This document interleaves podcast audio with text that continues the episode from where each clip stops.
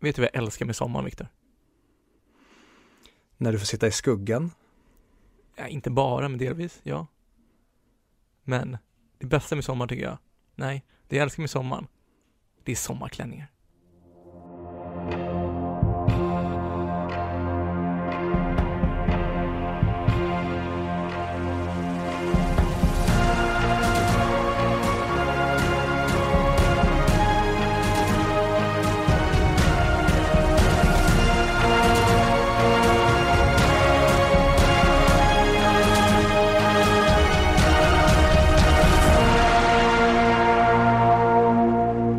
Säger vi hej och välkomna till 100 Mic Podcast, podcasten där vi pratar upp IMDBs topp 100-lista, men inte Charlie Chaplin. Idag är det då placering 71 och vi ska prata om den avslutande filmen i Christopher Nolans Dark Knight-trilogi, nämligen The Dark Knight Rises. Jag heter som vanligt Viktor och med mig som vanligt har jag också Fredrik, brukar du öva in dina intros? Eller är du bara så mycket bättre än mig på dem? Nej, jag vet inte, jag bara, alltså, jag tänker hur jag ska säga det så effektivt som möjligt och sen så gör jag det. Ja, men det- ja, eloge, jag tycker det är snyggt. Tack, kul. Ja, då du, men du gör väl likadant varje gång du själv eller? Ja, kanske, men det känns som att jag alltid krånglar till det på något sätt. Så jag vet knappt själv vart jag säger, vad jag säger. Skitsamma, jag mår bra, hur mår du? Jo men det är bra, det är bra. Det är, nu spelar vi in det här eh, innan midsommar. Mm. Men eh, jag är väldigt taggad på att fira midsommar. Och jag är ännu mer taggad på att inleda min, från och med i år, midsommartradition. Nämligen att jag ska se filmen Midsommar, Ari Asters mästerverk från 2019. Inför varje midsommar. Så att eh, jag ska nog gå och göra det efter vi har spelat in. Hur är det själv? jo, det är jättebra. Eh, men det är suveränt med mig. Jag tycker, jag tycker, det är kul. jag tycker det är en rolig tradition. Jag, jag, ja, nej, Mm. det var inget. Mm. Nej men vad skönt att det är bra med dig. Förra gången sa du ju så här, nej men det är bra, helt okej. Det lät helt som att du ville slänga in ett passivt aggressivt depp. Helt okej. Det har varit lite upp och ner för mig. För vi har fått lite, lite kritik efter vår artikel. Har du sett det? Mm. Ja, ja, vi har fått uppleva vårt första drev. Ja, Charlie Chaplin-drevet som tidningarna förhoppningsvis kommer döpa till och antagligen. Eh, det är fan det som jag har döpt det till nu. Inofficiellt. Jag tror att det är så i alla fall, alltså man kan väl ge det redan nu till tidningarna så att de har ett namn på när de ska skriva om det här drevet. Exakt. Och det är ju, alltså det är tråkigt för det känns som Moviesin i deras artikel inte riktigt förstod vad vi menade när vi sa varför vi inte har med Charlie Chaplin. Och alltså varför vi heter men inte Charlie Chaplin. De skrev ju för att vi inte gillar stumfilm. Eh, varav där så har vi fått lite kommentarer som, ska läsa några? Alltså, jag behöver ju lära mig att få höra kritik så att du kan väl, eh, ja, läs eh, hatet. En här från en person vid Jonas. Vart efter, eh, efternamnet kan jag hoppa tänker jag, för jag vill inte sätta För vi någon behöver på inte plats. hänga ut eh, trollen. Nej, jag tänker också. Fånigt att exkludera Chaplin. Kalla genomgången för något annat om det utesluter att placera den med så godtyckliga skäl.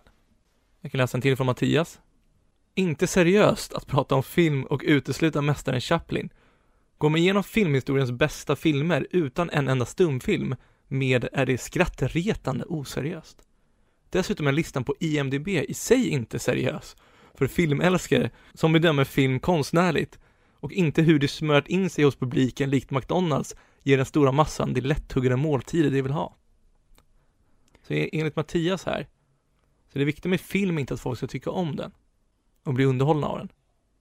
Det viktiga med film är att det, att det ska vara konst. Förstår jag rätt då? Jag vet faktiskt inte. Men det är svårt att bena ut det där. anledningen i alla fall till att jag inte tycker om Charlie Chaplin, det är ju för att jag tycker inte att man ska uppmana, när vi så tydligt har en person som har porträtterat en av tidernas värsta människor, alltså Adolf Hitler, då tycker jag inte att man ska uppmana att sprida den typen av verk. Och då därför så vill jag bojkotta Charlie Chaplin. Ja exakt, för det var anledningen till diktatorn i alla fall. Eh, Sen handlar väl The Kid som vi hade In Bruges på istället, den handlar väl om en man som kidnappar ett barn och lurar honom till att älska honom som både en förälder men även som hans älskare. Alltså det är ju indirekt en film om en pedofil. Och det är samma sak där, jag tänker inte uppmana folk att titta på filmer om pedofiler. Alltså det är skillnad med jakten, för där var man faktiskt inte dömd pedofil. Där var han ju faktiskt inte skyldig. Så där, den, Nej, är, precis. för jag tänker folk kanske drar, drar en jämförelse i så fall. Men också, Mm. jag tycker det här att Chaplin känns så, det är ju många som har pratat om Chaplin och hans filmer redan. Så det känns ju lite onödigt att vi ska behöva återigen vara en repet- repetitiv podd där vi gör samma sak som andra har gjort. Så det känns ju onödigt att ha mer Chaplin i, i, i vår genomgång genom tidernas bästa filmer. För det, det är väl ganska ökänt att han har gjort bland de bästa filmerna. Så vi behöver inte säga det också då. Nej, det håller jag faktiskt med om. Sen en annan anledning till att jag inte tycker vi ska ha mer Chaplin, det är ju för att det känns skönt att kunna plocka bort den typen av, alltså vad säger man, inte ondska men dålig värdegrundsfilm. Så att man istället kan stoppa in typ, alltså filmer som jag älskar, så att istället för att vi har med typ Diktatorn, City Lights, The Kid, då kan vi ha med filmer som Transformers, kanske lägga ett helt avsnitt på Hobbit-trilogin, eh, få med Twilight, alltså sådana filmer som du och jag älskar och har älskat sedan barnsben som vi verkligen måste få in på något sätt och då fick det bli den här filmen med dålig värdegrund eller den här filmskaparen, återkommande karaktären som har extremt dålig värdegrund som vi fick plocka bort istället. Ja men verkligen. Eh, Transformers som faktiskt har bland de bästa soundtracken någonsin. Vilket tyvärr Charlie Chaplin saknar. Eller de har väl kanske soundtrack men alltså, Det är svårt utan dialog att kunna bedöma inom våra kriterier som vi har satt ut. För vi har en lista där vi går igenom alla filmer. Varav en av dem är bästa dialogen i filmen. Eller bästa scenen. Och det är svårt med en film som inte har dialoger att bedöma den bästa dialogen. Det går ju inte riktigt ihop skulle jag säga. Nej, jag håller verkligen med och det är väldigt svårt att om man skulle ställa upp typ Charlie Chaplins filmer mot ta en film som Transformers som har så ont, alltså de har ju väldigt bra röstcasting i den. Och då som du säger, det är ju väldigt svårt att jämföra då en film som har jättebra röstcasting som Transformers med en film som inte har någon röstcasting alls för att den är stum. Ja, definitivt. Men sen också om man ska ta filmer som, nu, nu tog vi in Bruges in, in där. Istället, jag menar, alltså säg vad man vill men ibland måste man låta det gamla försvinna. Ibland är det inte lönt att hålla kvar vid det som en gång har varit. Man måste våga blicka framåt och testa nytt. Det är som Barney Stinson säger, new is always better. Eh, Ja, det finns ju verkligen, alltså, det ligger någonting i det. nej, inte i alla fall, verkligen inte. Men kanske i Chaplins fall. Ja, och alltså vi, en anledning också som varför jag inte ville ha med Chaplin, det är ju för att jag vill inte kolla på så gamla filmer. Alltså, Chaplin-filmen är överlägset de äldsta filmerna på listan. Alla andra filmer är väldigt nya på topp 100, så att därför kände vi att det är lika bra att skala bort de här väldigt gamla filmerna. Ja, men och jag tycker det är viktigt, vi som verkligen är, vi, alltså vi är, jag skulle beskriva oss två som, ja, som med två ord, seriösa filmälskare. Det är framförallt det vi är och det är det vi brinner för. För alltså, så fort man blir en oseriös filmälskare så tycker inte jag att, då vill inte jag prata med dig. Då har jag ingenting med att göra. Och med det sagt att vara en seriös filmälskare, det sätter ju viss press på en och då måste man ju ha väldigt tydliga skäl och det var det jag inte tycker Moviesin kunde visa genom att säga att vi bara inte gillar stumfilm. Jag tycker inte det gav en rättvis Mm. bedömning av oss då. Nej, jag hoppas bara att eh, ni som har skrivit kommentarerna, vi- vilket jag tycker jättemycket om, jag älskar all sorts feedback. Och jag tycker också om att ni, ni liksom jag tycker att filmsmak är subjektivt och att man får tycka om precis vilka filmer man vill och göra vad man vill. Att alla behöver inte lyssna på allting. Jättebra att vi är överens där. Men jag hoppas att ni har förstått lite tydligare nu varför vi har valt att inte ha mer Chaplin. Ja, och att det är en, alltså, vilka var det? Jonas och Mattias som skrev. det är väl och bara många att fler. Ni, ni, ni, ja, många fler. Alltså det var de du läste upp i alla fall. Ja. Nu, nu när ni vet sanningen, då är det väl lika bra, alltså be om ursäkt. Lägg upp en video eller ett klipp eller skriv någonting, en post på sociala medier där ni tar tillbaka det här för att det har verkligen skadat både dig och mig, Fredrik känslomässigt, men även så har ju våra familjer tagit väldigt mycket stryk av det här. Ja, framförallt din. Ja, alltså min son han han vågar ju inte, han, han vill liksom inte gå till skolan längre.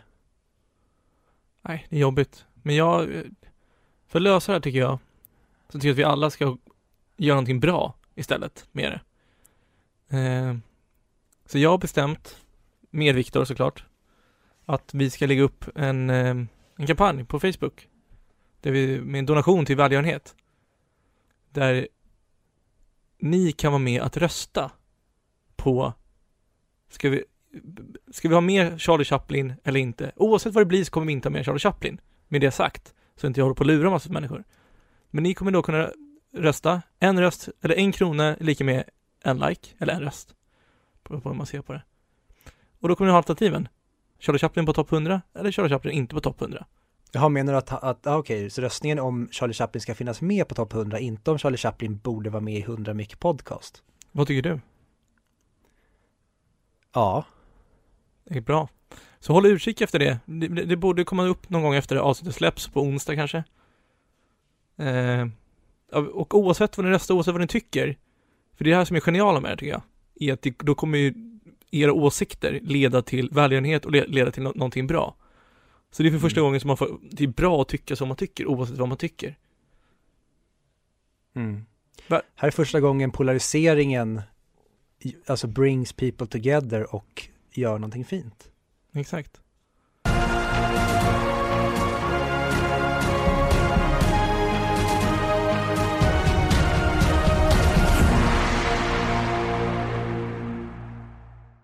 Då är det dags för återkomsten av Vem är vi på väg?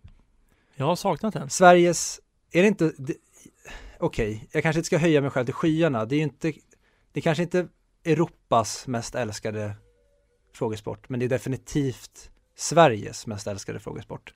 På spåret eller, eller vår? Nej, vem är vi på väg? Ja, jag håller med. Men eh, jag tänker att vi kan dra igång direkt. Mm, kör.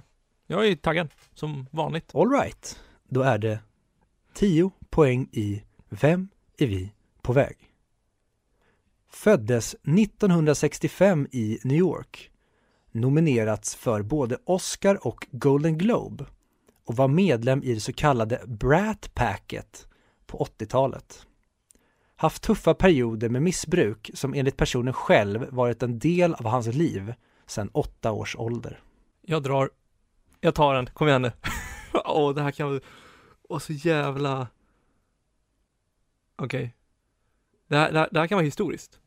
Jag vill bara säga det. Om, om det är den första rätt, tian va? Om jag har rätt nu, då har den här veckan mm. varit den bästa veckan i mitt liv. Nej, jo, det har den kanske. Okej, är du med? Jag är med. Mm, vi får eh, se helt enkelt. Ja, det var fel alltså. Ja, ja, läs resten. Åtta poäng i Vem är vi på väg? Jag fick mitt genombrott när jag porträtterade 100 mick-förbjuden karaktär som gav mig en akademinominering men är nog mest förknippad med min roll som hjärtlöst geni mm. med en kärlek till kvinnan Paprika. Fy fan vad kul, för när man väl vet det så är det så jävla lätt. Ja, du känner att du är på rätt spår här. Eller alltså, det, det du sa passade in till 80% på den som jag, som jag gissar på. Ja, okej. Okay. det är därför jag känner mig bekväm. Om det inte är nu, då har jag gjort bort mig helt när jag, när jag säger fan vad lött det är. Men ja. Mm. All right. Sex poäng i Vem är vi på väg. Trots att Guldgubben var inom räckhåll så blev det ingen när jag spelade afroamerikansk, blåögd, blond och australiensisk krigshjälte. Min till en början betydligt mer berömde far och jag delar samma namn. Boom, 10 poäng, historiskt. Men sluta, var lite ödmjuk nu. Nej, jag vet men, inte om åh, jag rätt än. Spännande det är. Jag sitter och gnager mina fingrar. Gnager mina fingrar, vad äckligt. Säger man inte så? Okej. Okay. Jag på mina fingrar som man säger. Fyra poäng i Vem är vi på väg? Jag har spelat tidernas mest berömda detektiv för Guy Ritchie vid två tillfällen, men återvände som karaktären Anthony Stark i tre filmer om järnsnubben och ytterligare ett gäng gånger i Hämnarfilmerna. Känner du dig eh, fortfarande säker? Ja. Nu, jag tror att alla har tagit henne. All right. Två poäng i Vem är vi på väg? Var med i superfloppen Doolittle i år och har även medverkat i filmer som Kiss Kiss Bang Bang, Due Date, Tropic Thunder och Iron Man. Bobby är mitt smeknamn och pappas namn slutar på Senior, vilket gör att mitt namn avslutas med Junior. Och vi har 100 Mix första 10 poängare Fredrik Billberg.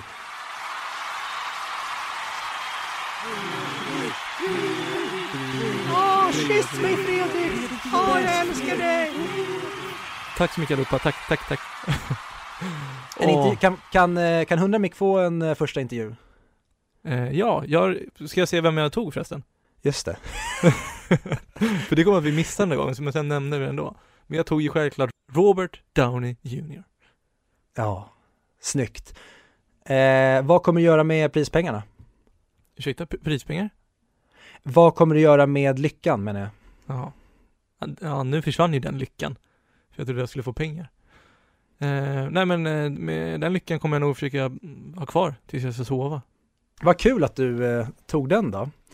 Mm. Då ska vi kanske gå igenom ledtrådarna då. Han Mm. föddes ju nis- 1965 i New York. Nomin- han är nominerad för både Oscar och Golden Globe. Han har ju vunnit en Golden Globe. Ehm, för vilken roll? Kommer jag fan inte ihåg. Skit samma. Jag tänker inte kolla fakta här. Men han har nominerats för bland annat sin roll som Charlie Chaplin. På tal om Charlie Chaplin. Eh, och han har även nominerats för sin roll i Tropic Thunder. Eh, och han har haft tuffa perioder med missbruk, som han själv har sagt i en intervju, att han har varit fast i drog, alltså han har älskat droger sedan han var åtta år. Det är ju jävligt mörkt. Det är jävligt sjukt. Men det gick ju runt en meme förut på internetet. Du vet det där stora. Eh, där, där han sa typ att Burger King saved his life. Eftersom han var så pass hög. Och sen skulle jag köpa en, en hamburgare på Burger King. Och den var så smaklös och äcklig. Så då bestämde han sig för att sluta med droger. Thank you, Homer the Whopper. Ja men typ. Och så, ja, är nog mest förknippad med min roll som hjärtlöst geni med kärlek till kvinnan Paprika. Alltså, han spelar Iron Man, Tony Stark och hans kärlek heter då Pepper Potts. Eh, han har ju spelat eh, detektiv för Guy Ritchie vid två tillfällen. Han har ju spelat eh, Sherlock Holmes. Och han har även gjort då Iron Man, som att någon har missat det, i väldigt många filmer. I Marvel Cinematic Universe. Och i år gjorde han ju då eh, någon ny version av Dr. Dolittle, tror jag att det är. Han, kunde, han var ju någon läkare som kunde prata med djur i alla fall, som Mm. floppade totalt och blev jättesågad. Jag tror inte någon tyckte den var bra. Eh, och han delar även namn med sin pappa, obviously, eftersom han heter Robert Downey Jr. Nämligen en också känd skådespelare som heter Robert Downey, men senare blev Robert Downey Senior. Så det var lite om eh, kära, kära Robban. Bra. Så eh, kul! Ska vi eh, gå och snacka lite Dark Knight Rises? Det tycker jag verkligen. Nu kör vi. Ja.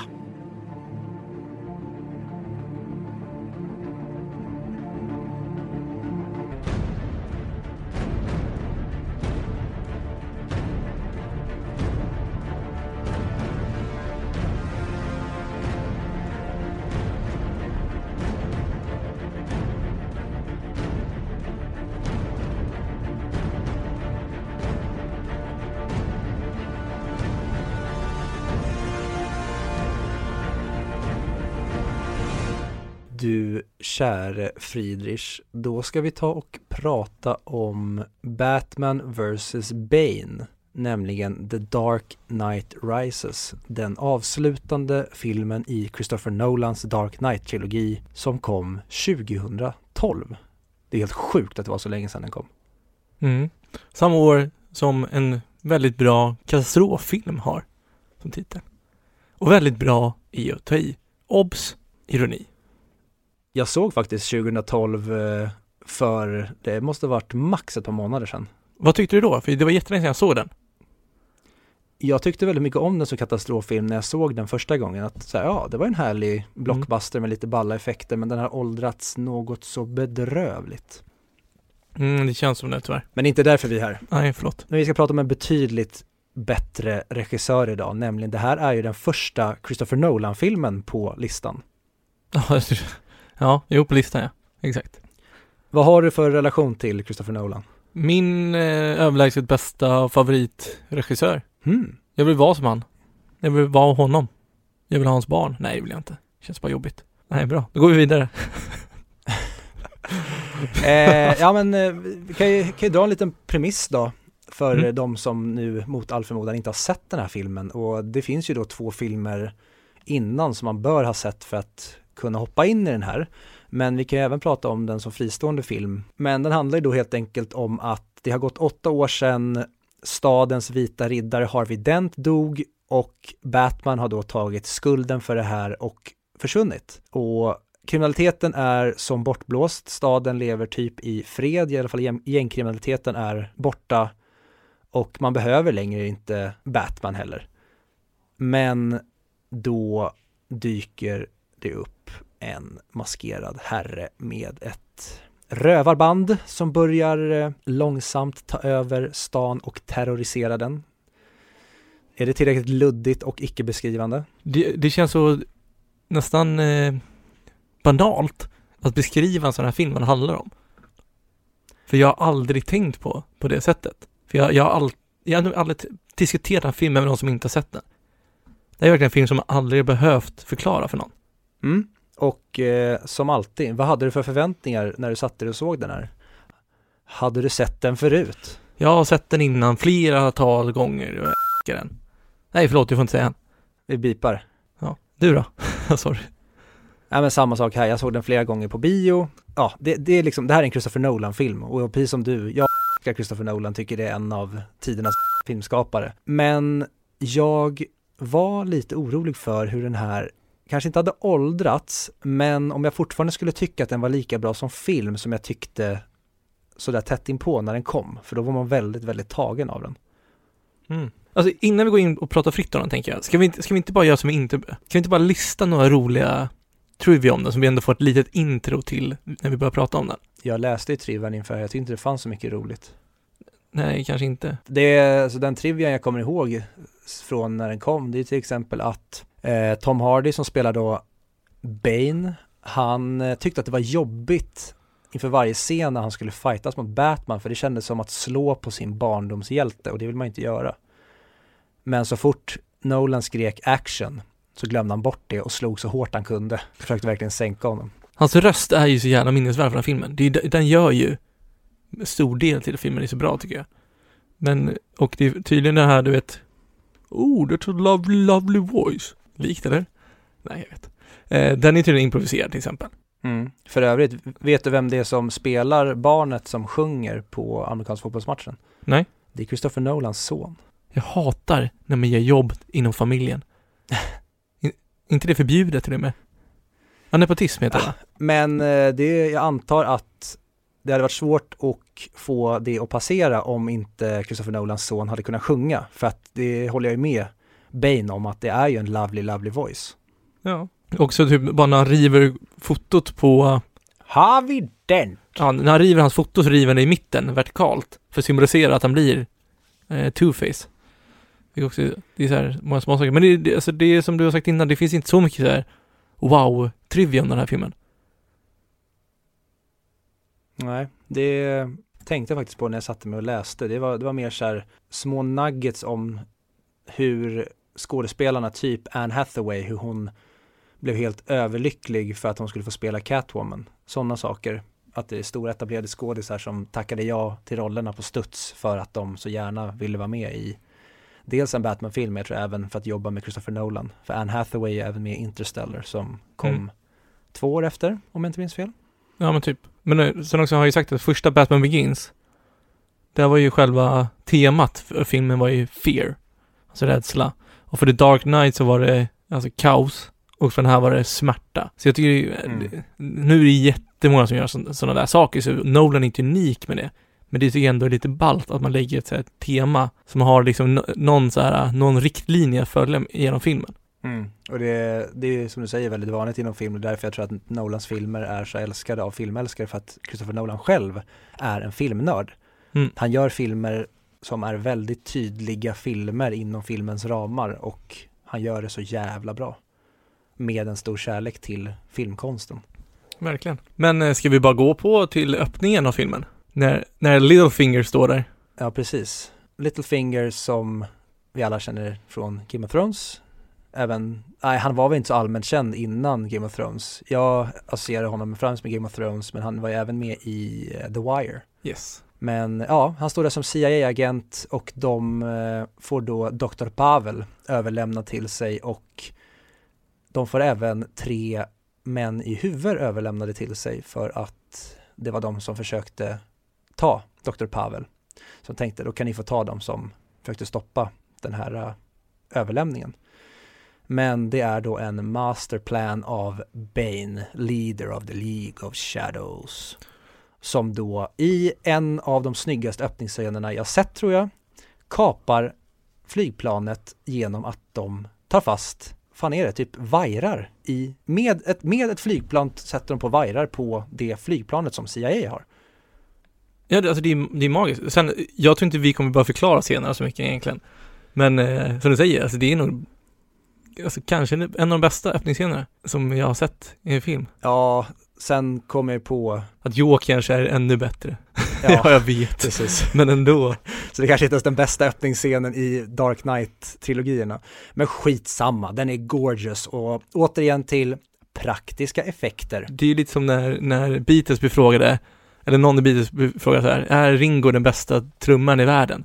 Och han svarar, Ringo är inte ens den bästa trumman i Beatles. Det är lite som det här, Love it. om Bane är den bästa öppningen, nej det är inte ens den öppna- bästa öppningen i Batman-trilogin. Mm. Det är som att säga, är Bane den bästa skurken någonsin? Han är inte ens den bästa skurken i Batman-trilogin, eller i Dark Knight-trilogin. Och det kan vi säga redan nu innan vi går in på den, för det är egentligen onödigt att gå igenom vad den handlar om. Kort och gott, om vi ska dra igenom handlingen i filmen, handlar ju då om att Wayne Enterprises har investerat i en, eh, vad säger man, en reaktor som då ska kunna ge sustainable energy to the whole Mm. city. En fusionreaktor. Ja, och de är rädda för att om den hamnar i fel händer så kan den vändas om och göras till en bomb. I det här då så dyker det upp grejer som gör att Batman får en anledning att återvända, nämligen att det dyker upp någon karaktär som han får höra talas om som heter Bane. Nej men där tycker jag att det är så snyggt om att de presenterar inte bara så här som att han kommer från ingenstans, utan de lägger, de lägger fram Bane som att han verkligen är en person som har funnits där hela tiden. Och de har varit ute på jakt efter honom och han har gjort andra terroristsaker eller vad man ska säga. Ja, du menar att han har funnits i eh, periferin och CIA har jagat honom i under de här åtta åren framförallt. Som vi inte har fått se. Ja, och det finns bakfakta när Alfred kollar upp honom och så vidare. De, de vet massa saker. Ja, det är han, Mm. han, de knyter ihop det med Russell Gould från första filmen och allting sånt där. I det här så blir då Batman inte tvingad, men han själv tar beslutet att ge sig, sätta på sig kappan igen och gå ut och eh, göra slag i saken och ta hand om Bane för att han eh, har ju käkat en stor jävla skopa med hybris och tror att han är den gamla Dark Knighten som han var för åtta år sedan innan han la ner. Men Alfred säger det till honom då att eh, du kommer misslyckas och jag tror att du vill misslyckas för jag tror att du aldrig kommer kunna gå vidare utan du hoppas på att du ska dö på kuppen. Bruce Wayne viftar ju bara bort det här och säger att han har fel. Men Chi fick han, för han går och möter Bane och Bane, det slutar med att Bane bryter hans rygg och sätter honom i ett fängelse i ett land långt, långt bort. Mm, bra. Or maybe he wonder why you should shoot a man before throwing it out of a plane. Jag vet inte vad det var för dialekt eller röst. Men hur många ikoniska jävla quotes finns inte från den här filmen? Mm, och det är verkligen en sak som jag älskar med Christopher Nolan och även i den här filmen. Det är att han spelar på det här väldigt, väldigt överseriösa och överdramatiska. Men det funkar, det blir aldrig lökigt. Som typ Baines, många av hans lines. En sämre skådespelare, en sämre regissör, en sämre byggd karaktär hade många av de här linesen låtit skitlökiga om de hade gjorts av. Men Tom Hardy är så jävla bra i rollen som Bane att de funkar hela tiden. Ja, precis. Vi har ju nämnt innan att Nolan brukar med mycket lökar citat, men han alltid får dem att fungera på något sätt. Men ska vi bara, ska vi bara börja gå igenom våra favoritscener kanske med den här filmen? Absolut. Jag kan börja med en av, en av mina favoriter. Som är så otroligt mäktig scen. Dels för att jag hade en, en kompis som, eh, som jag pluggade med i Växjö som alltid var längre, eller som alltid var längre, som var längre. Det är många. Som gillade att lägga handen på axeln när han pratade med en. Tja, hur är läget? Så la han handen på hans axel. Och då fick jag alltid, och då får jag alltid förknippat till när han lägger sin hand på Daggert och säger Do you feel in charge? Det är Mm. så jävla mäktig scen.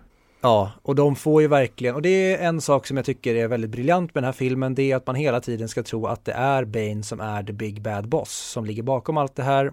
Men boom, så visar det sig vara Miranda Tate eller Talia Al Ghul, eller om man, jag tror att det är hennes namn, alltså Ras Al Ghuls dotter, Ja. som då tog över The League of Shadows och skulle hämnas sin pappa och eh, fulfill, fulfill his destiny. Och så använder hon då Bane, hennes räddare, som masken då utåt som gör allt det här. Så står hon bara i bakgrunden och är the puppet master. Hur tycker du, när du, när du ser filmen nu och du, du vet om att Talia ligger bakom allting, tycker du att, de fun- att det funkar att maskera det eller är det någonting man kan se nu när man känner till allting? Kan man se igenom det hela när du ser om filmen? Alltså jag tycker inte det. Det är ingenting jag tänker på. Jag tycker det är snarare snyggt att man ser, att man tänker så här. Ah, det är därför de hittade fel bil. Just det. För hon, det var ju hon som markerade och sa att den var aktiv. Och sådana där saker. Ah, det var så här de visste. Det var CIA som hade tagit sig in i staden och skulle, skulle hjälpa dem att starta revolt. Det är för hon har sagt det. För det känns aldrig som att de säger att det var jag som avslöjade allting. Utan man får bara förstå det genom att man förstår att hon är skurken. Ja, eller hon säger det till, till Batman i slutet när han besegrar Bane, när hon sticker kniven i honom. Att det inte, att det är den långsamma kniven som tar sin tid som hugger som djupast. Återigen, klassisk Nolan. Vad tycker du om det? Ja, alltså jag, jag tycker väldigt mycket om väldigt mycket av den här filmen, men det finns också väldigt mycket med den här filmen som jag har stora problem med, som jag tycker är dels ogenomtänkt, dels onödigt och ibland känns det lite som att Nolan inte riktigt är i det här till 100%. Det känns mer som att han har blivit mutad eller tvingad av Warner Bros att göra den här sista filmen. Har inte han sagt det själv också, att han var lite i sin hast när han skulle göra filmen? Det är därför det finns vissa luckor egentligen i, i, i, ja, i filmen, storyn och, och handlingen. Framförallt tycker jag att filmen är väldigt rörig ibland. Jag kommer inte ihåg hur jag reagerade första gången jag såg den för då var man bara Lyrisk. Ja men precis, det var svårt att vara väldigt kritisk till den då för man bara hängde med på åkturen. Det är en Nolan-film så det spelar en stor roll där och då. Men när jag sett om den och försökt dissekera den så finns det väldigt många grejer som jag tycker är väldigt märkliga. En grej är till exempel att vi blandar in aspekten att det är en kamp mot klockan. Då har Batman lagt tid på att lägga ut bensin Mm. och skapa en stor Batman-logga på bron. Och då tänker jag, hur jävla lång tid måste inte det här ha tagit? Som sen då Gary Oldmans karaktär Commissioner Gordon ska tända när han kliver ut på isen. Det är lite för väl regisserat för att det ska funka i filmen. Det är ett sånt exempel som jag tycker att här känns det inte riktigt som att man har tänkt. Det är mer vad är balt mer än att vad funkar i filmen. Vet du vad som hade räckt med där? Det hade räckt med typ att han träffade, vad heter Morgan Freemans karaktär? Är det Fox? Det hade räckt med att han träffade, Fox och de så gick igenom de senaste uppfinningarna och så kanske han hade sagt så här, ja men där har vi en prototyp till brandkåren som kan släcka bränder med väldigt pre, alltså precis vattenstråle. För då kan han dra så här typ parallellen till att, ah, bra, vi använder dem, fyller med bensin för vi behöver något sätt att tagga staden. Ja men fyller med bensin så kan de Mm. måla Batman. Det, det hade ju räckt med en sån grej, så hade det varit okej. Ja, eller bara att de hade gjort på något sätt att Batmans eh, klassiska lampa, att den var återställd. Och att den Ah. tändes. Det hade varit svinbalt. För det är ju ändå, alltså, vad heter den? The Bat Light. Jag vet faktiskt Ja, inte vad någon namn. jag, jag är tyvärr för dålig på min Batman för att komma ihåg vad den heter. Men typ en sån grej. Kan man säga så, så som du brukar säga att jag skiter i hur det fungerar i verkligheten, bara det är snyggt på film. Nej, det måste, det måste funka i filmen. Ja, du, du, okej, du tycker att det inte funkar? Nej, utan det är jävligt snyggt. Mm. Men det är inte praktiskt för storyn, för det får mig att tänka att varför har ni slösat en jävla massa tid på det där när ni har en bomb som kommer spränga hela staden snart? Till exempel. Det är en sån grej som jag tycker känns väldigt ogenomtänkt. En annan sak som jag inte riktigt tycker funkar som jag som cringe, eller som jag verkligen cringear i hela kroppen, det är ju slutet när Blake då ska hämta ut den här väskan och det finns ingen väska registrerad i hans namn och då säger han prova mitt, eh, vad säger man, maiden name eller alltså Birth name, ja. och då säger hon, jag tycker det är fint, du borde använda det, Robin. Det känns för pantat för att vara Nolan. Här känns, det känns som att det är någonting som han har låtit passera för att han inte orkar. Eller så är det någon annan studiogubbe som har velat vara övertydlig på schack för att alla ska förstå att det här potentiellt skulle kunna vara Robin i en spin-off. ja du, om, om jag kände dig rätt, så du hade hellre velat haft exakt samma scen, men utan att de säger det. Men att man kan pausa filmen och se hans ID och då står det Robin.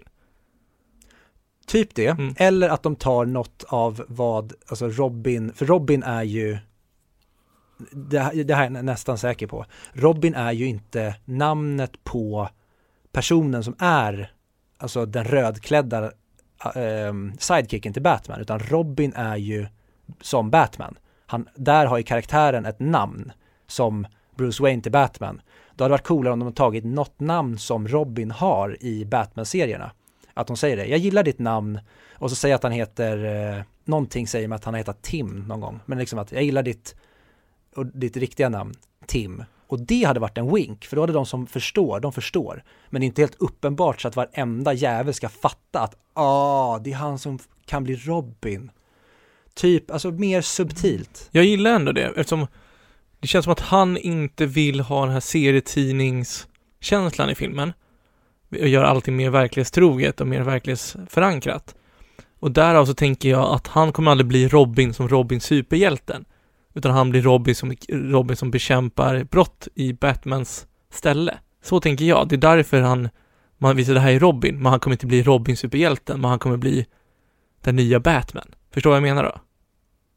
Men det är fortfarande, alltså Robin är ju fortfarande, det är som att han skulle säga, jag gillar ditt, eh, ditt eh, maiden name mer, Gröna Lyktan. Alltså det är ju superhjältens namn som är väl Robin, alltså det är det hans eh, alter ego kallas. Jo, eh, ja, så är det vad jag också fattar som.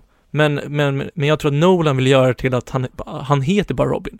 Men han är inte Robin superhjälten. Det tyckte jag inte funkade. Okej.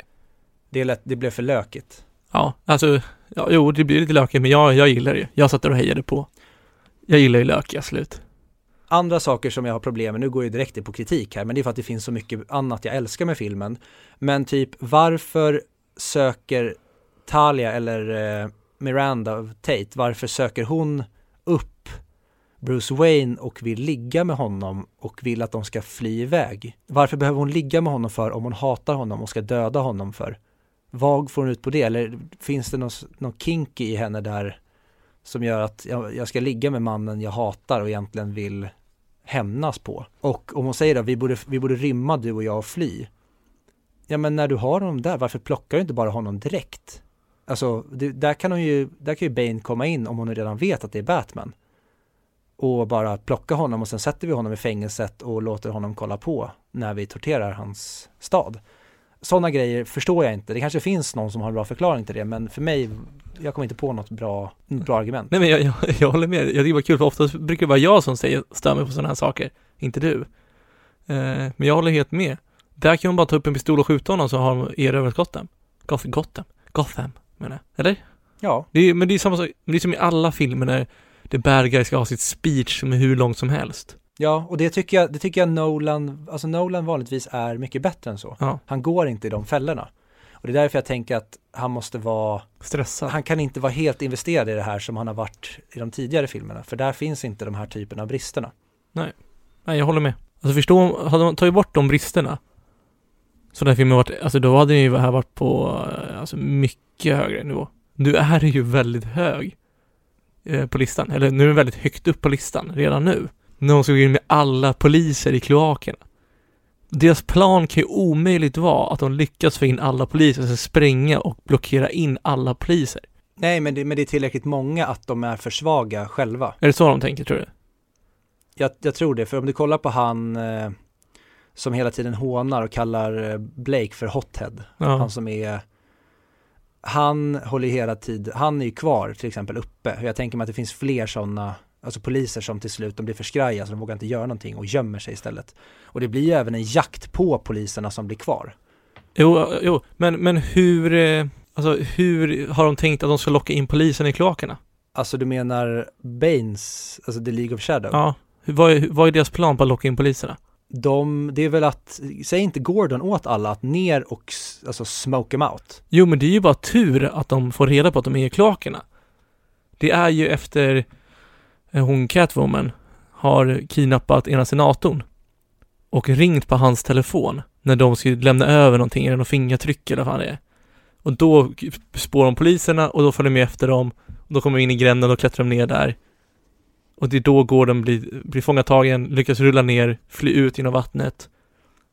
Och sen har jag för mig att det är någon annan som bekräftar, jo men det är saker i kloakerna. Och då är det så här, men smoke them out! Ja men det, alltså det är ju mycket senare. Ja men vad, vad, vad är det som gör att poliserna ska gå in i kloakerna? Alltså vad är så här, vad är, vad är deras plan på att locka in dem? Det är så jag menar. Alltså det är ju att de får reda på att de är inne och det finns ju hur mycket alltså tunnlar som helst där inne. Och därför så säger han ju väl i, tror jag utan att tänka, att skicka in dem och bara liksom så här, nu går vi full attack.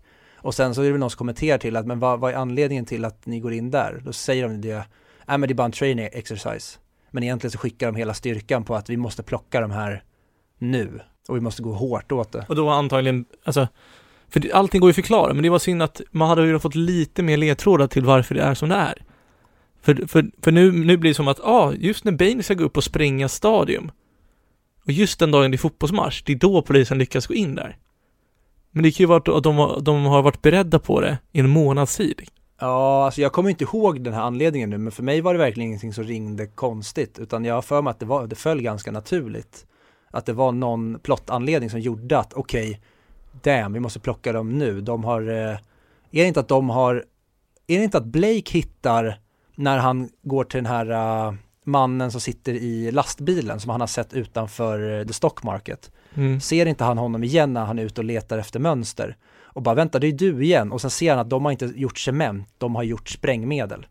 Och då får de reda på att Nej, då, jävlar, då ska de gå ut. ja, jä- fan, det kommer jag inte ihåg. Skitsamma. Ja, ja jag kommer inte ihåg någon, någon anledning, men det, det kan jag väl förstå att man tycker. Nej men det, alltså det finns många sådana saker som så här, kan verka konstiga, men jag tror det är bara för att han inte har haft tid att bara foreshadowa dem. Och han vill inte göra det övertydligt. Eh, allt ifrån att måla Batman-symbolen till hur han kom från fängelset till Gotham på den, alltså halva jordens resa liksom. På så kort tid. Och, Det tycker jag faktiskt är, hade de gjort det mer, alltså lagt upp det mer som att det är Batman, det här är världens bästa detektiv. Han är en fucking ninja. mm. Har de spelat på de gamla tropesen från liksom att han lärde sig det från Ra's al Ghul, då hade det varit jättehäftigt att ingen kan ta sig in i Gotham, men Batman kan. Mm. Och därför tycker jag det är så tråkigt att man ser honom springa när han kommer upp ur The Pit.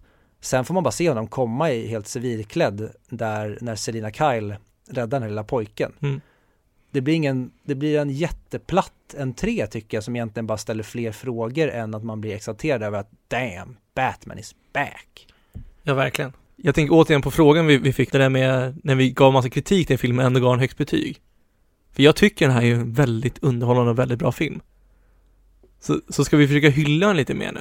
Alltså bo, både och för att jag tycker att det här är en väldigt, väldigt bra blockbuster. Ja. Men den är svagare som film. Och jag tycker, det kan jag säga redan nu, jag tycker nog att det här är Nolans svagaste film. Okej. Men jag skulle vilja hamna i debatten som för mig tidigare har varit lite oklar, men som när jag såg om den här gången för mig blev glasklar. Nämligen debatten om dör Bruce Wayne eller inte? Jaha, jag tänker det. Hur tolkar du det? Ja. Men eh, jag tolkar det som att han inte dör. Och för mig är det 100% att han dör. Men att Alfred är lite knäpp i huvudet. Men eh, hur, hur förklarar du då att autopiloten var fixad? För att dels är det en Nolan-grej, den ska få oss att tvivla, men jag tror även att det är en grej som ska få de andra att tvivla att han kan vara där ute någonstans. Vi vet inte för att han fixade autopiloten så han kan vara där ute och gömma sig. Och att en dag när vi behöver honom igen, då kan han komma tillbaka. Både ur, alltså om man tar Fox och eh, Alfred och de som faktiskt finns i Gotham, ur deras synvinkel, men även utifrån att det är en liten feg grej som ska kunna ge dem en anledning om Christian Bale ska komma tillbaka någon gång och göra en fjärde Batman. Det är en liten chicken out. Men det som jag tycker talar för att om man tittar på det rent konkret är att han dör, det är att Alfred säger i början när han berättar för Bruce att jag hade en fantasi när du var borta första gången.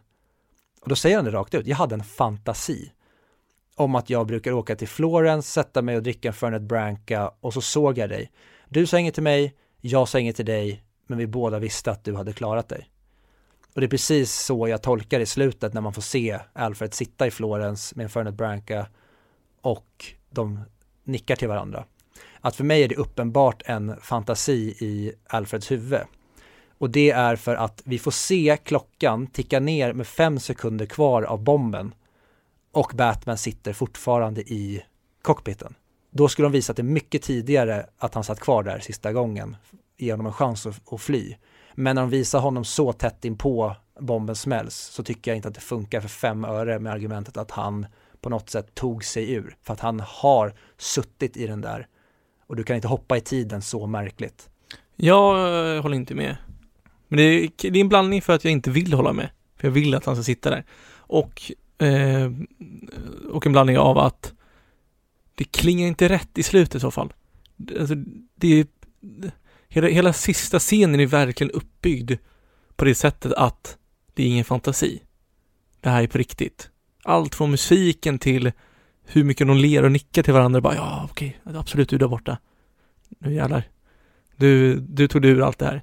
Och hela Batman-trilogin, hela den tonen, allting leder fram till ett lyckligt slut. Att sista filmen skulle sluta på det sättet tycker inte jag hör hemma på den. På det sättet de har byggt upp den och hur scenen utspelar sig. Och jag tycker tvärtom. Mm. Hela trilogin talar för att någon gång kommer Batman misslyckas och dö, för det är typ det han vill. Han är en självdestruktiv galning egentligen, Bruce Wayne. Och det gör i alla fall att jag tycker att det ligger helt rätt. Och jag hade nog, för jag har länge varit inne på att ja, men det är en, han överlever. Men nu när jag verkligen satt och tänkte på den här filmen och fick den där uh, foreshadowingen i början av att han säger att jag hade en fantasi. Så tycker jag verkligen att nej, Bruce Wayne dog.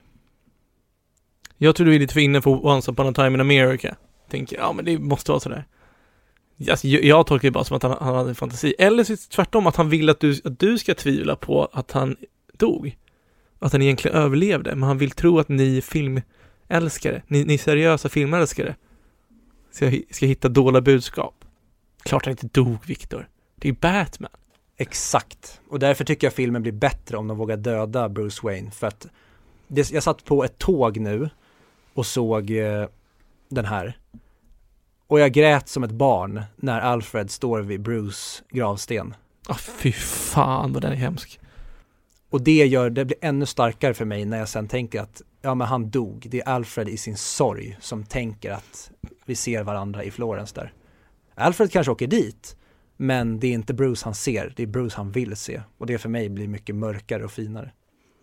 Men det var bara en, en tanke som jag hade kring vad vi kunde prata om. Vi kanske går tillbaka till att, eller du kanske vill säga något mer, men annars kan vi gå tillbaka till hyllandet av den här. Ja, jag vill bara säga, det var väl också den scenen som var en av de exemplen som vi tog upp när vi pratade om absurd movie scenes. Att, okej, lek med tanken att det inte var fantasi nu. Och kan, och kan han faktiskt, för Alfred säger att han går dit varje dag och tar Fennet Branca. Mm. Och jag, jag tänker att Bruce tänker så här, okej, okay, nu vill jag överraska han. För just det, han berättade den där fantasin han hade. Oh, jag vill låta honom uppleva det. Och han säger till hon, eh, vad, vad heter Catwoman i i filmen. Selina Kyle. Ja, hon, han säger det till Selina eller Anne Hathaways karaktär att så här, ja, oh, vi måste gå till det här kaféet jag hittat. Så går han dit, klockan 11 säger vi tiden är. Så, äh, ingen Alfred idag. Och sen dagen efter säger han samma sak. Ja, men ska vi inte gå till det här kaféet igen? Och hon börjar bli så här, åh, kan vi inte testa något nytt? Måste vi gå till kaféet varje dag? Det, alltså det är så måste ju scenen vara i så fall. Om han ska, eller så råkar han bara gå till kaféet när Alfred är där. Men hur vet han vilket café det är? Han sa ju bara att det var ett café vid eh, floden Arno. Ja, men han har väl testat fler kafén? Ja, det är det jag menar. Ska vi sätta oss vid det här idag? Men vi var ju här igår, men det kanske var det här han tänkte på. Vilket café här som vi ser har bra översikt över resten av kaféerna ifall han skulle sätta sig där borta. Men snälla Bruce, släpp gubbjäveln! Fan! Han, han, han ska tro att du är död, kan vi bara leva lyckliga du och jag som två jävla superhjältar in disguise? Men jag vill ändå. Nej Bruce. Nej. Ja. Nej, men eh, utöver fantasi eller inte. Jag tycker den här filmen är magisk. Jag tycker helt hur den är uppbyggd, pacingen. Jag tycker Bane som karaktär är, wow. Mm. Han är så skrämmande. Han är så jävla cool och skrämmande på samma gång. Och alltså typ bara scenen när de är på taket och eh, Catwoman har gjort inbrott där för att ta det, det blank slate. Och eh, Mm. den säger såhär no guns. Och, och de bara går där. Och sen håller han i sin, i sin rock. Och bara går, går emot dem. Och alla fighting-scener. Hur han, hur han så alltså, kraftfullt slåss på det sättet. Att det inte är såhär wow, wow, karate Bruce Lee. Utan det är verkligen boom, boom. Ja, Bra med ljudeffekter Fredrik, tack. Jag känner mig som 12 igen. Eh, men det, det, allt det tycker jag är så otroligt ballt. Och när de rånar, eh, vet du det, aktiegrejen, Mm. heter det, börsmarknaden. Ja men det är det, och det tycker jag är så bra med alla Nolans Batman-filmer, att det är genomtänkta heists. Ja. Och framförallt den här, allting i den här är ju hela tiden att saker är uppbyggnad för någonting annat. Och det gillar jag att i Dark Knight, då är Jokern bättre än Batman i, alltså i hjärnan, han är smartare än Batman. Här har Batman fått en motståndare som dels är både smartare än honom, men han är också fysiskt bättre än honom. Så han har verkligen mött sin överman i den här otroligt obehagliga ledaren över The League of Shadows. Mm. Ja men alltså, exakt, han är framförallt mycket, mycket starkare. Och den har ju, sen är ju hon, för det är lite coolt, för det var en kompis som sa att, att han visste att hon var den onda, typ i, alltså i, i, under filmen. För tydligen i, Jaha. i serietidningarna, då är det alltid någon men- som manipulerar Bane. Det finns alltid någon Ja, hjärna. men, då, så, men, men då spelar då är det så här, ja då vet du det, då vet du att Bane är liksom, han är inte the big boss. Då är det, ju- då är det bara leta efter vem som ska vara Banes chef. Exakt. Men jag som inte kan någon backstory, för mig var det bara oh my god. Det var Talia Al Ghul som var the bad guy och hon har bara stått i kulisserna och dragit i trådarna och spelat sin lilla marionetteater för alla. Ja, alltså jag håller med. Jag tyckte det också var helt chockerande och magisk. Jag gillar att kolla på, typ, så här, på roliga YouTube-klipp, how it should have ended och sånt. Och då är det en scen, när beskriver, du vet, någon ska ta loss bomben, då behöver man ju Morgan Freemans eh, Mr Fox och en till. Eh, och, och i den så, så råkar Mr Fox fladda hela den grejen och fylla på med vatten så att de inte kan ta loss bomben och bara, åh nej, jag råkar trycka fel. Det är också en grej som, som han, han, han hade kunnat gjort också. Men det, det är också en, där- det är samma sak med gisslan-grejen som vi tog upp. Man tänker väl inte så snabbt i situationen när folk blir dödade bredvid dig och du riskerar att dö själv också. Nej. Jag gillar ju Joseph Gordon-Levitts karaktär väldigt mycket, alltså Blake. Jag tycker att de gör det väldigt snyggt. Men jag tycker att det är också väldigt tråkigt att vi får så lite Batman i den här, eller vi får framförallt väldigt lite Bruce Wayne. Mm. Han hade gärna fått leka den typen av detektiv som Blake gör, men kanske inte som Batman. De kanske hade kunnat skriva någon plott där som gör att han inte kan gå in som Batman, utan han måste vara typ undercover Bruce Wayne och bara vara en civilklädd detektiv i det här. Det hade varit väldigt häftigt. Sen känner jag att de har ju byggt, dragit ut väldigt mycket på filmen för jag tycker att de hade kunnat göra kanske att Batman blir besegrad av Bane i början av filmen. Istället för att det kommer så sent. Mm, ja kanske. Men jag kom precis på en sak. Kan inte det också, alla de här snabba skrivningarna var på PGA av att Heath Ledger, RIP in Peace, att han dog? Mycket möjligt, för det skulle, han skulle ju varit med. Det vet jag inte hur mycket som han skulle varit med, men det finns ju någonting som Nolan har bekräftat att man, när då man pannar genom fängelset så skulle Joker sitta i en av cellerna och vara med och sen bli utsläppt. Typ som Scarecrow som de har med i eh, The Sentencing Hearing, alltså när de ger alla, de säger Death or Exile. Ja. Där är ju Scarecrow med, då kanske man hade gjort någonting så att Jokern hade varit med på ett hörn i den här plotten. Det vet jag inte hur mycket de ändrade. Men då kände Nolan att för att inte vara nära Heath Ledgers minne så plockade de bort Jokern helt. Ja, för det, nu, nu är det ju bara Scarecrow som är den enda fienden, eller skurken som är med i alla tre. Det är ballt. Mm, Älskar honom. verkligen. Både skådespelaren, vet han, Ja. Killian Murphy? Nej, Kill, ja, Killian Murphy, åh han är så jävla bra. mm. Just det, eh, Batman som, som civil och, och utreda lite mer saker. Ja, Ja, ja jag, jag håller med. det hade varit coolt. Det har varit jävligt coolt att se, för det, det hade varit nå- någonting nytt också. Att han tidigt i början, som du säger, blir blir besegrad av Bane, men sen att han kommer tillbaka mycket snabbare kanske. För det, det kanske jag kan tycka är lite lökigt att så här, oh, wow, du kan bara klara det på hoppet, du, du får inte ha bandet på dig. Eh. Alltså det var en typ en sjuårig tjej som klarade hoppa det där. Då borde ni också göra det. Oavsett liksom om man vågar eller inte vågar. Tycker jag. Men eh, ja, det, det, man hade kunnat ta bort lite del av det. det jag, jag tycker inte det är så intressant eh, till filmen. Alltså, och, och fokusera mer på att han går runt där som privatdetektiv och att de inte vet att han är Batman än. Men säg att hon får reda på det. Det är kanske är därför hon, hon ligger med honom, för han misstänk, hon misstänker det. Och sen får reda på det genom att Ja. snoka runt, eller nå- någonting sånt där. Det hade varit wow, nu. Då, Mm. då hade det ju varit på väg mot Ja, en full verkligen. potter skulle jag säga. Mm. Och eh, en grej som jag vill klaga på, det är en av tidernas sämsta skådespelarinsatser, nämligen från Dr. Pavel. Jag trodde att du skulle säga när hon dog i slutet. Ja, det är ju också be- bedrövligt. Ja. Det tänkte jag verkligen på. Jag älskar eh, Marion Cotillard. Men eh, nej, där är hon riktigt dålig i dödsögonblicket. Det funkar inte alls. Nej. Men det är också det, vi knyter ju ihop mycket fina säckar i den här filmen och framförallt Alfreds och Bruce relation är ju hjärtskärande i den här. Men jag tycker att det är så jäkla snyggt och känslosamt när han ska flyga iväg med bomben och Gordon vill veta vem som är Batman. Och han bara säger den här referensen till Alltså det räcker med att det är en man som sätter sin jacka över en liten pojkes axlar och säger att allting kommer bli okej. Men även där tycker jag att det är en icke-Nolansk övertydlighet i att Gordon säger Bruce Wayne? Du behöver inte säga det. Och vi behöver inte se den här flashbacken till när han var liten heller. Det räcker känslomässigt med att vi bara, han förstår att det Nej. är Bruce. Där, där stoppar jag dig. Jag håller inte med. Den, den, ja, där tycker jag att han, att han ska göra det.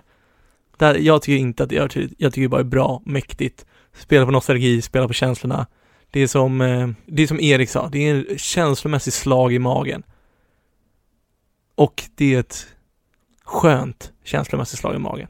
Ja, det tycker jag att det är ändå, så att det är därför jag bara tycker den här övertydligheten, men det tycker jag även är med många flashbacks tidigare, alltså typ när Henry Descartes, alltså Russell al när han dyker upp i någon slags feberdröm. Nej, nej, nej, nej, nej, nej, nej, nej, nej. Aldrig. Han får inte dyka upp där, han är död, ta bort honom. Han får inte ge information till Bruce som ett spöke. Men det är mer Liam Neeson. Låt han vara med. Jag älskar Liam Neeson men nej, inte, det funkar inte i filmen. Och även när vi får se i början av filmen flashbacks till när Gordon ska berätta om natten när Harvey Dent dog. Nej, nej, nej, nej, nej, vi behöver inte se flashbacks till The Dark Knight. Vi kommer ihåg det. Och kommer vi inte ihåg det så får vi skylla oss själva. Du måste kunna våga låta publiken vara smartare än så. Mm. Ja, Liam Neeson och Ra's al Ghul, det håller jag med om. Eh, Talet vet jag, ja, det spelar ingen roll för mig. Men jag är redo att sätta betyg på den här rackaren. Ja men eh, börja du då. Ska jag börja? Mm. En 9 av 10. Punkt. Punkt slut. Pang bom. Bara Mm. sådär. Många, många brister, men det är så jävla sevärd film. Jag, jag kan se den om och om igen. Den är så bra. Så jag förlåter de bristerna. Inte tillräckligt för att ge en 10 av 10. Men tillräckligt för att den ska vara en 9 av 10 i mina ögon. Mm. Och Mick då? 60? Ja den är ändå på topp 100. Ja, men för mig, en 9 av 10 är topp 100 för mig. Mm. Ja, alltså, men jag tycker att det är bland de bästa filmerna jag någonsin har sett. I alla fall topp 60, utan problem. Vad tycker du, Mr. Victor? Jag pendlar mellan en sjua och en åtta, men som du redan har sagt att det som är bra i den här filmen är så väldigt, väldigt, väldigt bra att de också väldigt, väldigt många bristerna. Jag får faktiskt se, alltså bortse från dem i den här, det gör inte så mycket för när det är ändå en Christopher Nolan-film och Christopher Nolan-film är jättebra även när den kanske inte är på topp. Så att jag sätter nog ändå en 8 av 10 på den här, men jag tycker definitivt inte att den hör hemma på topp 100, utan tvärtom. Sätt Batman Begins på den här placeringen istället, som jag tycker är den bästa superhjältefilmen som har gjorts. Sen tror jag, jag tycker, spoiler alert, men vi kommer komma dit lång, om lång tid, men jag tycker att Dark Knight är en bättre film än Batman Begins. Men som superhjältefilm är Batman Begins allt jag vill ha. Så att jag hade hellre velat ha Batman Begins på Dark Knight Rises placering. Men jag tycker att den Dark Knight Rises hör hemma på topp 250 men definitivt inte topp 100. Ja, eh, alltså jag kan respektera det. Mm. Känner vi oss nöjda då? Det tycker jag. Ni kan ju, som vi alltid påminner om, gärna få gå in på eran poddspelare och ge oss ett betyg, gärna en recension. Det är väldigt uppskattat och ni får gärna gilla och dela det här om ni har någon annan som ni tycker borde lyssna på våran podcast. Det är alltid jätteroligt och vi älskar responsen vi får från er som lyssnar. Det är kul som ni säkert märkte i förra avsnittet där vi la en väldigt lång stund på att besvara en lyssnarfråga men vi tycker bara att det är svinroligt jag, jag tror att det är många som stänger av nu. Så jag kommer bjuda på ett väldigt, okej, okay, det, det absolut sista avsnittet kommer jag bjuda på det bästa namnet på maträtt som någonsin finns. Så stäng inte av, lyssna på det här nu. Fortsätt Viktor. Och ni kan följa oss på sociala medier där vi heter 100 mick eller 100 mick podcast på Facebook, Twitter och Instagram. Och ni kan även mejla oss om ni har några frågor på 100mickpodcast@gmail.com. Det går även bra att skicka meddelanden till oss på sociala medier om ni vill ställa någon fråga eller så. Ja. Och nästa vecka är det dags för Witness for the prosecution. Ja, alltså åklagarens vittne på svenska. Ändå ganska lik tycker jag. Den finns att se på, eller ja, den finns att hyra på Rakuten TV och på iTunes för 39 kronor. Men den är lite billigare på SF Anytime för 29 kronor. Så det skulle jag rekommendera att göra. Vad bra då. Men eh, då tycker jag kanske att vi säger adjö för idag så går vi ut till något av Hans Zimmers, det är en grej som vi glömde prata om också, Hans Zimmers musik. Men det skiter vi Vi spelar istället, istället Hans Zimmers ja. magiska Batman-musik. Cue the music och det bästa ordet för maträtt är nasi goreng. Tack för oss. Hej hej.